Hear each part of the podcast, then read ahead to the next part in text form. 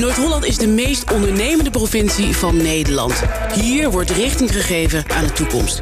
Maar door wie? Wie zijn die mensen? Wij noemen ze de aanvoerders. Mijn naam is Ger Welbers en vandaag is mijn gast Theo Meskers. Theo is momenteel wethouder bedrijvigheid in de gemeente Hollands Kroon. Eerder was hij in die gemeente ook al wethouder, onder andere van economische zaken. Zijn carrière begon in de media. En daarnaast is Theo actief lid van de VVD. Theo, welkom. Dankjewel. Voor de luisteraars, uh, wie is Theo Meskers als persoon? Als persoon is het een uh, in de kop van het Holland geboren en getogen man... die uh, daar ook zijn vrouw heeft gevonden. 36 jaar geleden getrouwd. Vier volwassen kinderen. En een leven wat enorm veel plezier oplevert. Ja, de naam is gevallen, Hollands Kroon, de gemeente. Ik denk dat die bij niet zo gek veel mensen uh, die niet uit het gebied komen bekend is. Kan je wat uh, vertellen over die gemeente? Nou, het, is, het is een nieuwe gemeente. Nieuw in de zin van dat we in 2012 zijn gevormd uh, als resultaat van een gemeentelijke fusie. Annapolona, Niedorp, Wieringermeer en Wieringen. Dat zijn de vier gemeenten die zijn samengevoegd. En wat we nu hebben is een grote plattelandsgemeente. Die begint eigenlijk op de Afsluitdijk, net voor het monument. En die loopt dan zo langs het IJsselmeer naar Medemblik. En dan loopt om Den Helder heen richting Schagen. Wonen 47 en 47.500 mensen. En we hebben zo'n beetje 22 kernen. Dat is, dat is al wat. Het is echt, je zegt, hij begint met de afsluitdijk. Dus het is ook echt de kop van Noord-Holland waarover we praten. Ja, het is echt een, qua oppervlakte even de grootste gemeente van Nederland. Natuurlijk niet qua inwoners, want dat is heel mhm. extensief bebouwd allemaal. Maar als je kijkt naar de oppervlakte, dan zijn we geloof ik de nummer drie of vier van Nederland. Uh, en dat, dat uh, maakt het allemaal wel uh, heel uitdagend om daar bestuurlijk een goede balans in te vinden. Ja, daar gaan we zo op komen. Eerst even, de kop van Noord-Holland wordt in, of werd in het verleden vaak gezien als een krimpregio. Mensen trokken er weg, er was onvoldoende werkgelegenheid. Is dat nog steeds zo? Nee, we hebben wel een omslag te pakken. Maar het was ontegenzeggelijk zo dat het in de kop van Holland moeizaam ging. De marine is jarenlang aan het krimpen geweest. Dat zette de toon. En daaromheen zag je ook dat de bedrijvigheid in de economische crisis het ook lastig had. Maar er zijn een paar uh, dingen echt fundamenteel veranderd. Uh, bestuurlijk gezien zijn we vanuit een ander vaatje gaan tappen. We hebben gezegd dat het moet mogelijk zijn om op een half uur van Amsterdam meer ontwikkeling uh, tot stand te brengen. En we hebben ook keuzes gemaakt in welke sectoren we actief daarin willen stimuleren. En je ziet nu dat dat al uh, resulteert in uh, extra bedrijvigheid. Dat ook het inwonertal uh, niet onder druk staat. En dat we ook voorzichtig mogen kijken naar een positieve toekomst in, in de komende jaren. Oké, laten we dat concretiseren. Je zegt we hebben keuzes gemaakt. We hebben ingezet op een aantal sectoren. Welke sectoren hebben jullie met name op ingezet? Nou, om even uit te leggen hoe dat is gegaan. We hebben uh, laten onderzoeken uh, hoe onze economie in elkaar steekt. En welke sectoren daarin leidend zijn. Nou, dat lijstje is eigenlijk niet heel verrassend. Dat is de agribusiness.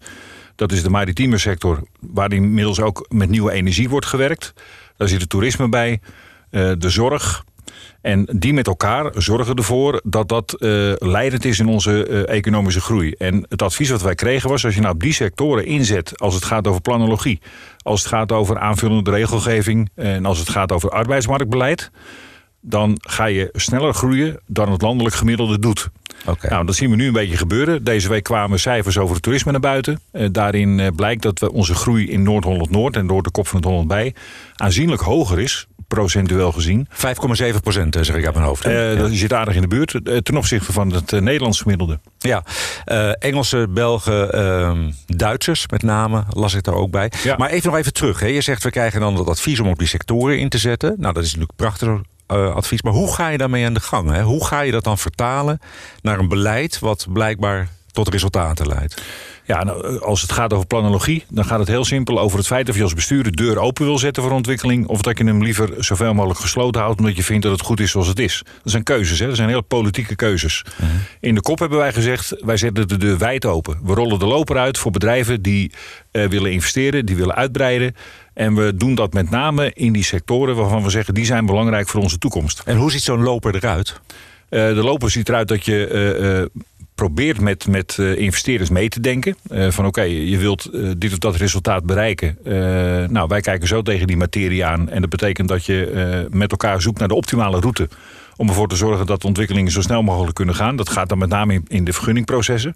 Mooi voorbeeld is bijvoorbeeld, er, er is een jaar of vijf, zes geleden een uh, Amerikaans concern geweest. Dat wilde een cacaofabriek bouwen in Hollands Kroon. Nou, cacao is ingewikkeld. eh, Qua geur en qua, qua eh, milieubelasting. Nou, daar hebben we samen route gevonden om binnen ultrakorte tijd eh, een vergunning eh, te kunnen produceren. eh, en het bedrijf ook eh, ruim baan te geven om zich daar te vestigen. In, Wat eh, doe je dan anders bij zo'n vergunningsaanvraag? Waarom kan het dan opeens snel? Ehm, we doen niet eh, anders in de zin van dat we mensen bevoordelen. Maar wat we wel doen is dat we eh, met mensen meekijken hoe de voorbereiding wordt gedaan. Dus wij zeggen als de vergunning eh, de procedure ingaat, dan moet op alle, alle, alle onderdelen moet duidelijk zijn hoe het zit. En dan kan je, als het binnen bestemmingsplan past, binnen eh, een paar weken een vergunning afgeven. En als het bestemmingsplan moet worden gewijzigd, dan sta je heel sterk om daar in ieder geval de kortst mogelijke tijd voor te gebruiken. En Theo, zijn er nog andere voorbeelden te bedenken? Nou, ja, de datacenters eh, zijn een mooi voorbeeld. De eerste is gebouwd, of gestart met bouwen in 2014. En het was ook na een ultrakort eh, eh, vergunningverloop. Eh, de gemeente Wieringenmeer, een van de rechtsvoorgangers van Hollands Kroon, had al besloten dat in het Agriportgebied een kaal van 40 vierkante hectare werd eh, eh, vrijgemaakt om daar zo'n ontwikkeling te laten plaatsvinden. Het Agripoortgebied, dat is het gebied als je over de A7 vanuit Amsterdam richting Afsluitdijk rijdt. Dan zie je het op een gegeven moment aan je rechterhand liggen. Ja. Het is voor Dat mij zo vertrouwd dat ik het als een soort van vanzelfsprekendheid beschouw. Dat snap ik nou. dat iedereen het weet. Dat is natuurlijk niet zo. Nee. Nee. het is inderdaad het gebied. eh, als je Horen bent gepasseerd op weg naar Den Oever, dan ligt het halverwege aan je rechterhand. En daar, dat, je herkent het aan de grote gebouwen die daar inmiddels staan. Ja. En dat is een aantal datacenters, onder andere van Microsoft. Google is aan het bouwen. Ehm, omdat die bestemming al was aangewezen, eh, konden wij in die vergunning ook weer heel slagvaardig zijn. Door aan de voorkant met de architect en met alle andere betrokken partijen. minutieus door de aanvraag heen te gaan. en ervoor te zorgen dat alle informatie op tafel ligt. Waardoor die vergunning er ook weer ultrasnel doorheen kon lopen. Ja, waarom kiest zo Microsoft en, nu dan Google voor eh, Hollands Kroon? Nou ja, wij hebben een, een eh, unique selling point als het gaat over de oppervlaktes die beschikbaar zijn. En de afstand tot Amsterdam. En daar is een belangrijk internetknooppunt, maar ook tot Schiphol, wat een reizigersknooppunt is. En wat voor eh, buitenlandse concerns heel aantrekkelijk is, is dat zij het gevoel hebben dat ze vanaf Schiphol eigenlijk in no time op de locatie staan waar het gebeurt. Dat is voor, voor eh, Microsoft mensen is dat ongeveer drie kwartier rijden vanaf het vliegveld. Nou, als je naar Microsoft in Amerika toe gaat, dan vlieg je eerst naar Seattle. Dan stap je in een taxi. Dan zit je ongeveer twee uur in de auto. En dan bereik je hun hoofdkantoor. Ja. Nou, als je dat in Nederland doet, dan zit je in Duitsland of je zit in België. Ja, ja, dus dat, dat is het grote verschil. Ja. Dus wij zitten echt boven op het vliegveld in hun beleving. En ja, we zijn onderdeel van Amsterdam. Ik denk dat de gemiddelde... Voel je als Hollands Kroon ook onderdeel van de metropoolregio Amsterdam? Want Nee. officieel hoor je daar niet toe, hè? Nee, nee, nee, daar voelen we ons helemaal niet eh, eh, bij. Maar wij zeggen wel, het, de, de, de afstand is zo kort dat we hem wel moeten benutten in onze positionering. Hè, wij hebben gezegd, als je op zo'n korte afstand van zo'n belangrijk gebied zit... dan kan het niet zijn dat je eh, als krimpregio eh, te boek staat. Dan moet je eh, dat, dat voordeel moet je uitnutten... door dat ook gewoon in je acquisitie te gebruiken. En, en ook vanuit dat besef bepaalde onderwerpen te gaan benaderen. Ja, dat vind ik heel sterk. Je kiest de vlucht voorwaarts. Dat zijn ook hele sterke USP's die je dan hebt. Hè. Ruimte, bereikbaarheid, dicht bij Amsterdam, et cetera. Ja. Is het ook een effect dat als Microsoft en Google kiezen voor Hollands Kroon... dat dan de rest ook makkelijker volgt? Nou, we hebben, toen Microsoft actueel werd, hebben we een eh, studiereis gemaakt naar Amerika om in een regio eh, te kijken waar ook datacenters zijn gebouwd. En die regio lijkt heel sterk op de kop van het Holland. Extensief bebouwd, eenzijdige economie. En eh, we hebben met de ontwikkelmaatschappij daar ter plekke van de overheid eh, geanalyseerd wat er nou is gebeurd sinds daar de eerste datacenters eh, zijn gebouwd. En toen was de conclusie die we met elkaar trokken, dat blijft niet bijeen. Er gaan meer datacenters komen. En, en waarschijnlijk net zo groot als die van Microsoft. Want dat is de wens van al die grote concerns. Dus vanuit, vanuit die overtuiging zijn we ook planologisch weer daarvoor de voorbereidingen gaan treffen. En hebben we gezegd, bij alles wat er gebeurt moet daar in principe ruimte voor ontstaan. Hebben we ook bij de provincie voor gepleit. En, en de provincie is daarin meegegaan. En dat betekent dat eh, je nu een cluster ziet ontstaan... eh, waar Google en Microsoft de aanjagers van zijn... maar waar ook al inmiddels andere partijen eh, hun vinger hebben opgestoken... en op dit moment in het gebied rondkijken. Zoals? Welke partijen zijn dat? Cyrus One is de eerste die concreet is geworden. Dus die, die hebben nu een vergunningenaanvraag in gang gezet voor 10 hectare. Als fase 1 in een grotere ontwikkeling. Maar er zijn ook andere partijen, dat is nog, dat is nog niet definitief, dus daar kunnen we ook geen namen van noemen. Maar die zijn wel bezig. En wij verwachten ook dat in het speelveld daaromheen er ook nog andere aanvullende dienstverleners gaan komen die, eh, die in het kielzog van die grote jongens ook in de kop van het Holland hun plek gaan zoeken. Ja, daar zijn dat enorme ontwikkelingen. De, die techreuzen, dat zijn ook wel energieslurpende bedrijven. Zie je daar nog uitdaging op dat punt? Nou, is maatschappelijk een issue. Uh, is ook een van de onderdelen waarom een grote groep inwoners ook heel positief kritisch is over wat gebeurt er nou eigenlijk. Hè? Want die zien daar grote gebouwen ontstaan, die zien daar uh, ruimtebeslag ontstaan, die weten over de energiecijfers dat die niet heel erg positief zijn. Uh, dus er worden nu wel vragen gesteld van hoe gaan we daar nou mee om? En, en wij denken dat we daar een antwoord op hebben als overheid. Uh, Welk antwoord? Er is nu een enorme energietransitie in voorbereiding, uh, omdat we van het aardgas afgaan. En dat betekent dat het aardgasnetwerk in de Noordzee en in de westelijke delen van Noord-Holland, dan denk ik aan, aan het NAM-station bij Den Helder, het gasverdeelstation bij de Wieringenmeer, daaromheen valt een hele infrastructuur vrij die we straks kunnen gaan benutten voor waterstof. En waterstof gaat worden ontwikkeld uh, op de Noordzee. er komt uh, westelijk van Den Helder een groot windmolenpark. En dat park wordt zo ingericht, dat weten we nu al, dat daar direct elektriciteit wordt omgezet in waterstof. Dat noemen ze de groene waterstof, hè? Echt, ja, dit, dit is volgens mij nog een, een tussenvorm. Dus dan heet het blauwe waterstof. Uh, groen uh, is de volgende fase dat het volledig duurzaam is. Nu moet er eerst worden opgewekt, dan worden omgezet, dan worden getransporteerd. Dus dat is nog niet helemaal duurzaam. Mm -hmm. Maar het zorgt er wel voor dat er een overvloed aan elektriciteit Noord-Holland binnenkomt. En via de Wieringenmeer verdeeld gaat worden. Nou, het goede nieuws is dat in de Wieringenmeer ook het knooppunt zit van de datacenters. Dus die waterstof die daar elektriciteit brengt, kan direct worden aangewend voor de uh, locaties die wij nu aan het ontwikkelen zijn. Dus dat betekent dat die energievraag in een heel ander perspectief komt te staan. Want uh, op het gebied van waterstof is er, is er geen beperking. Mm -hmm. Er wordt elektriciteit opgewekt op de Noordzee tot en met. En, en nou, door dat om te zetten in waterstof uh, is dat een hele effectieve en ook duurzame manier om die uh, concerns van energie te voorzien.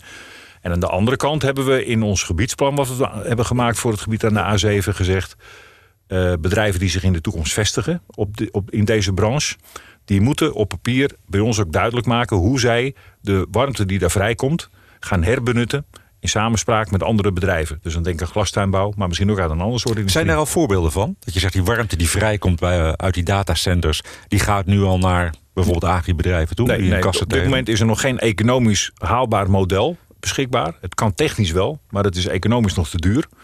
Uh, en wij hebben gezegd dat is allemaal prachtig, maar als we nu niet uh, echt uh, onze rug recht houden, dan, dan is het altijd te duur. dus we gaan nu wat dwingender afspreken dat het echt gaat gebeuren. En dat betekent dat de datacenters eerst een, ja, waarschijnlijk een onrendabel verhaal erop na zullen houden. Maar dat er op termijn wel een schaalgrootte komt die ervoor zorgt dat het ook behapbaar is. Ja. Nou heb je het over de, de agri-sector, die datacenters, de, de energiesector. Zijn dat arbeidsintensieve sectoren? Of zeg je nou dat het is met name high-tech wat daar uh, plaatsvindt? Nou, er is natuurlijk veel uh, borreltafelpraat, als ik het zo mag noemen, over de werkgelegenheid in datacenters. He, mensen zeggen, ja, dat gaat eigenlijk helemaal nergens over. Het is een control room en dat is het. Het zijn vooral serverparken die geen bemensing vragen. Nou, dat gaat in zekere zin zo op. Maar het gaat er met name om dat er rond alle dienstverlening heel veel werkgelegenheid ontstaat. Dus als je in de control room van, van Microsoft gaat kijken, daar zit zeker een mannetje of 20, 30. En die zitten daar in drie ploegen. Uh, althans, zo is het hele kantoor ingericht. Uh, maar daaromheen zit een club van uh, schoonmakers, cateringmedewerkers, beveiligers. We, we, zoeken op dit moment 400 beveiligers voor de complexen in Hollands Kroon... waar die moeten gaan werken, ook in ploegendienst. -huh. Dus het geeft wel aan dat het echt over substantiële aantallen gaat. We hebben een, een analyse laten maken over de economische impact van een datacentrum... voor onze regio, tijdens de bouw en als het eenmaal operationeel is... Ja, dan praat je tijdens de bouw over een mega aantal uh, ettelijke duizenden arbeidsplaatsen voor de komende tien jaar. De te telefoon rinkelt van Den Helder tot Alkmaar uh, over wat daar aan de hand is. Uh, maar als de datacenters operationeel zijn, is de inschatting dat volgens het huidige scenario er 3 tot 3500 volledige FTE beschikbaar zijn gekomen. Z zijn die mensen ook beschikbaar in de markt? Ja, uh, hoe hoger het niveau, uh, hoe makkelijker beschikbaar, zo lijkt het. Want dat zijn mensen die worden door uh, de grote concerns gedetacheerd vanuit Ierland of vanuit de Verenigde Staten voor een aantal jaar hier om een job te doen. dan gaat het met name over de vraag hoe gaan wij ervoor zorgen dat die mensen hier ook kunnen gaan wonen. Dat we, ons woningaanbod en, en de kwaliteit van de leefomgeving is ook een belangrijke doelstelling, moet echt omhoog. We moeten meer mooie woningen in aanbieding hebben. En de kwaliteit van de leefomgeving moet beter. En, wat, en hoe doe je zoiets bijvoorbeeld? Is dat gewoon een kwestie van bijbouwen en een kwestie van... Dat is een kwestie van veel lobby in Haarlem om ervoor te zorgen dat de, de statistieken die als uitgangspunt uh, worden gehanteerd voor het aantal woningen wat wij mogen bouwen, dat die worden opgerekt om ervoor te zorgen dat er extra capaciteit ontstaat voor deze doelgroep, hoog in de markt. Je, je hebt ruimte zat. Ja. Ja, maar goed, de provincie is heel erg van de lijn. We bouwen in de, de metropoolregio, want daar willen de mensen wonen. En daar gaan we de capaciteit ook op inzetten. Ja, wij kijken daar anders tegenaan. Wij zeggen, eh, in de metropoolregio is het te duur. De metropoolregio wordt te druk, wordt onbereikbaar. Het is veel slimmer, goedkoper en uiteindelijk ook mooier voor de mensen die het gebruiken. Om andere delen van Noord-Holland ook een uh, stuk van die taart te geven. En ervoor te zorgen dat daar goede woonplekken en goede woonmilieus ontstaan. Dat betekent dat ze ook in, in de culturele breedte uh, aantrekkelijk moeten worden. En, en daar vindt, gaat het een tijdje over verhaal gehoor bij de provincie? Het hangt er vanaf van wie je de vraag stelt. Uh, maar we, we, krijgen wel wat meer draagvlak voor deze okay. discussie. En, en uh, ja, de nieuwe coalitie zit er nog net. Dus we, we zijn die gesprekken langzaam aan het opstarten. Mm -hmm. Om Mhm. te kijken uh, hoe we dat doen. Um, maar als het dan gaat over de concrete effecten die wij zien van de aanwezigheid van die medewerkers. Uh, daar moeten wij nog het voordeel naar ons toe halen. We zien nu dat er te veel mensen uh, de blik naar het zuiden richten als het gaat om een woonplek. Mhm. -huh. En we merken het ook nog niet in de statistiek als het gaat over aanvragen voor bouwvergunningen voor woning of, of woonprojecten. Ja. Dus, dus, daar zijn we nu wel met, met, druk mee bezig. Is dat ook een van de speerpunten van de KOP Werkt, dat programma? Ja, de KOP Werkt is een, is een investeringsprogramma. -huh. Met name op het gebied van economie en ruimte. En dat is eigenlijk de integrale benadering om ervoor te zorgen dat de kop van het Holland in de breedte een aantrekkelijker plek wordt. Om te wonen, te werken en ook om het te bereiken. En die investeringsagenda gaat over alle flanken. Uh, dus we besteken geld in een mooiere leefomgeving. Uh, er worden dorpen mee opgeknapt. Uh, er worden recreatievoorzieningen mee gestimuleerd. langs het IJsselmeer, vaarverbindingen. dus dat is één. En twee is dat we ook mee investeren in de, laten we zeggen, de, de infrastructuur, de bereikbaarheid.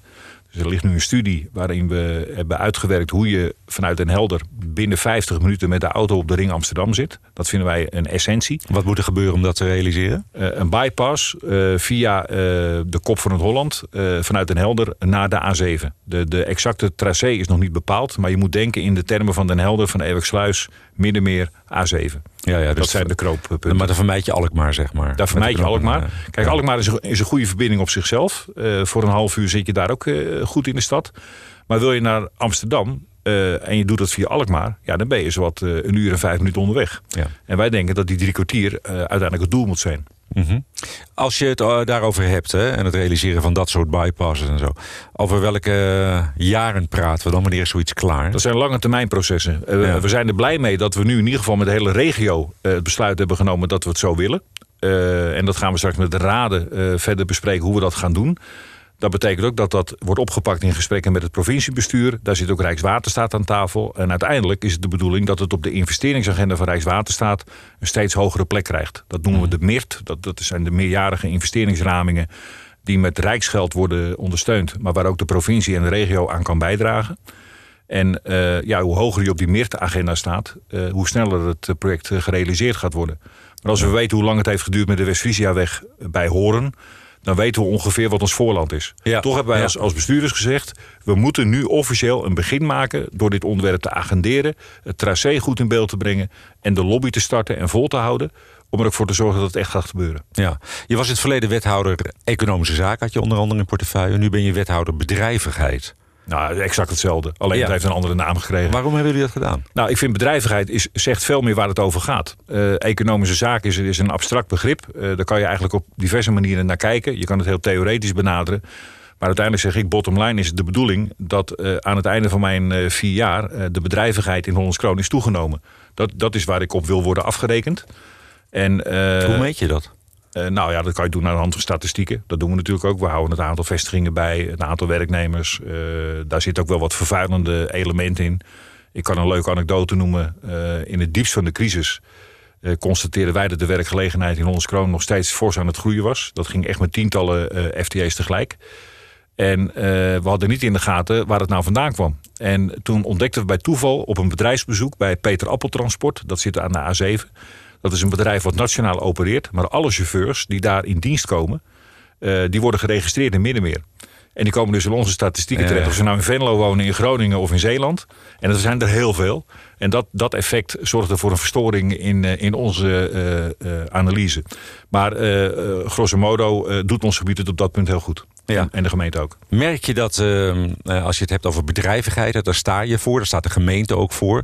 Straalt dat ook af op de, op de ondernemers in, uh, in, het, in de gemeente Hollands Kroon? Vind je dat Hollands Kroon een ondernemende gemeente is? Ja, Hollands Kroon is een zeer ondernemende gemeente. Uh, allereerst zie je terug in de enorme hoeveelheid ZZP'ers... die uh, vanuit onze gemeente actief zijn... en vaak hele interessante dingen doen voor bedrijven uit de Randstad. Maar bij ons uh, een mooie woonplek hebben... En dat als uitvalsbasis gebruiken. En om die reden is het ook essentieel dat wij over goede glasvezelverbindingen beschikken. Wat nu uh, wordt uitgerold. Uh, en daarnaast moet je constateren dat met name langs de A7 er heel veel uh, elan is ontstaan op allerlei gebied. Je ziet de bedrijventreinen vollopen. bedrijven doen het ook internationaal goed. worden soms overgenomen door buitenlandse partners en houden dan toch hun basis in Hollands Kroon. Dat vind ik een mooi signaal. En daarna zie je dat er in de agribusiness een enorme schaalvergroting is opgetreden. Die ervoor zorgt dat er uh, in onze gemeente echt hele mooie bedrijven zijn ontstaan. Die internationaal uh, bepalend zijn in de sierteeltsector of in de voedingstuinbouw. Ja, nou, dat, is, dat is een mooi slot, Theo, van deze podcast. De tijd zit er helaas op, maar ik wil je ontzettend bedanken voor je komst. Er gebeurt heel veel in Hollands Kroon. En laten we over enige tijd weer eens even bijpraten wat er dan nieuw is te melden. Dankjewel voor nu. Dit was De Aanvoerders, een podcastserie van NH Media.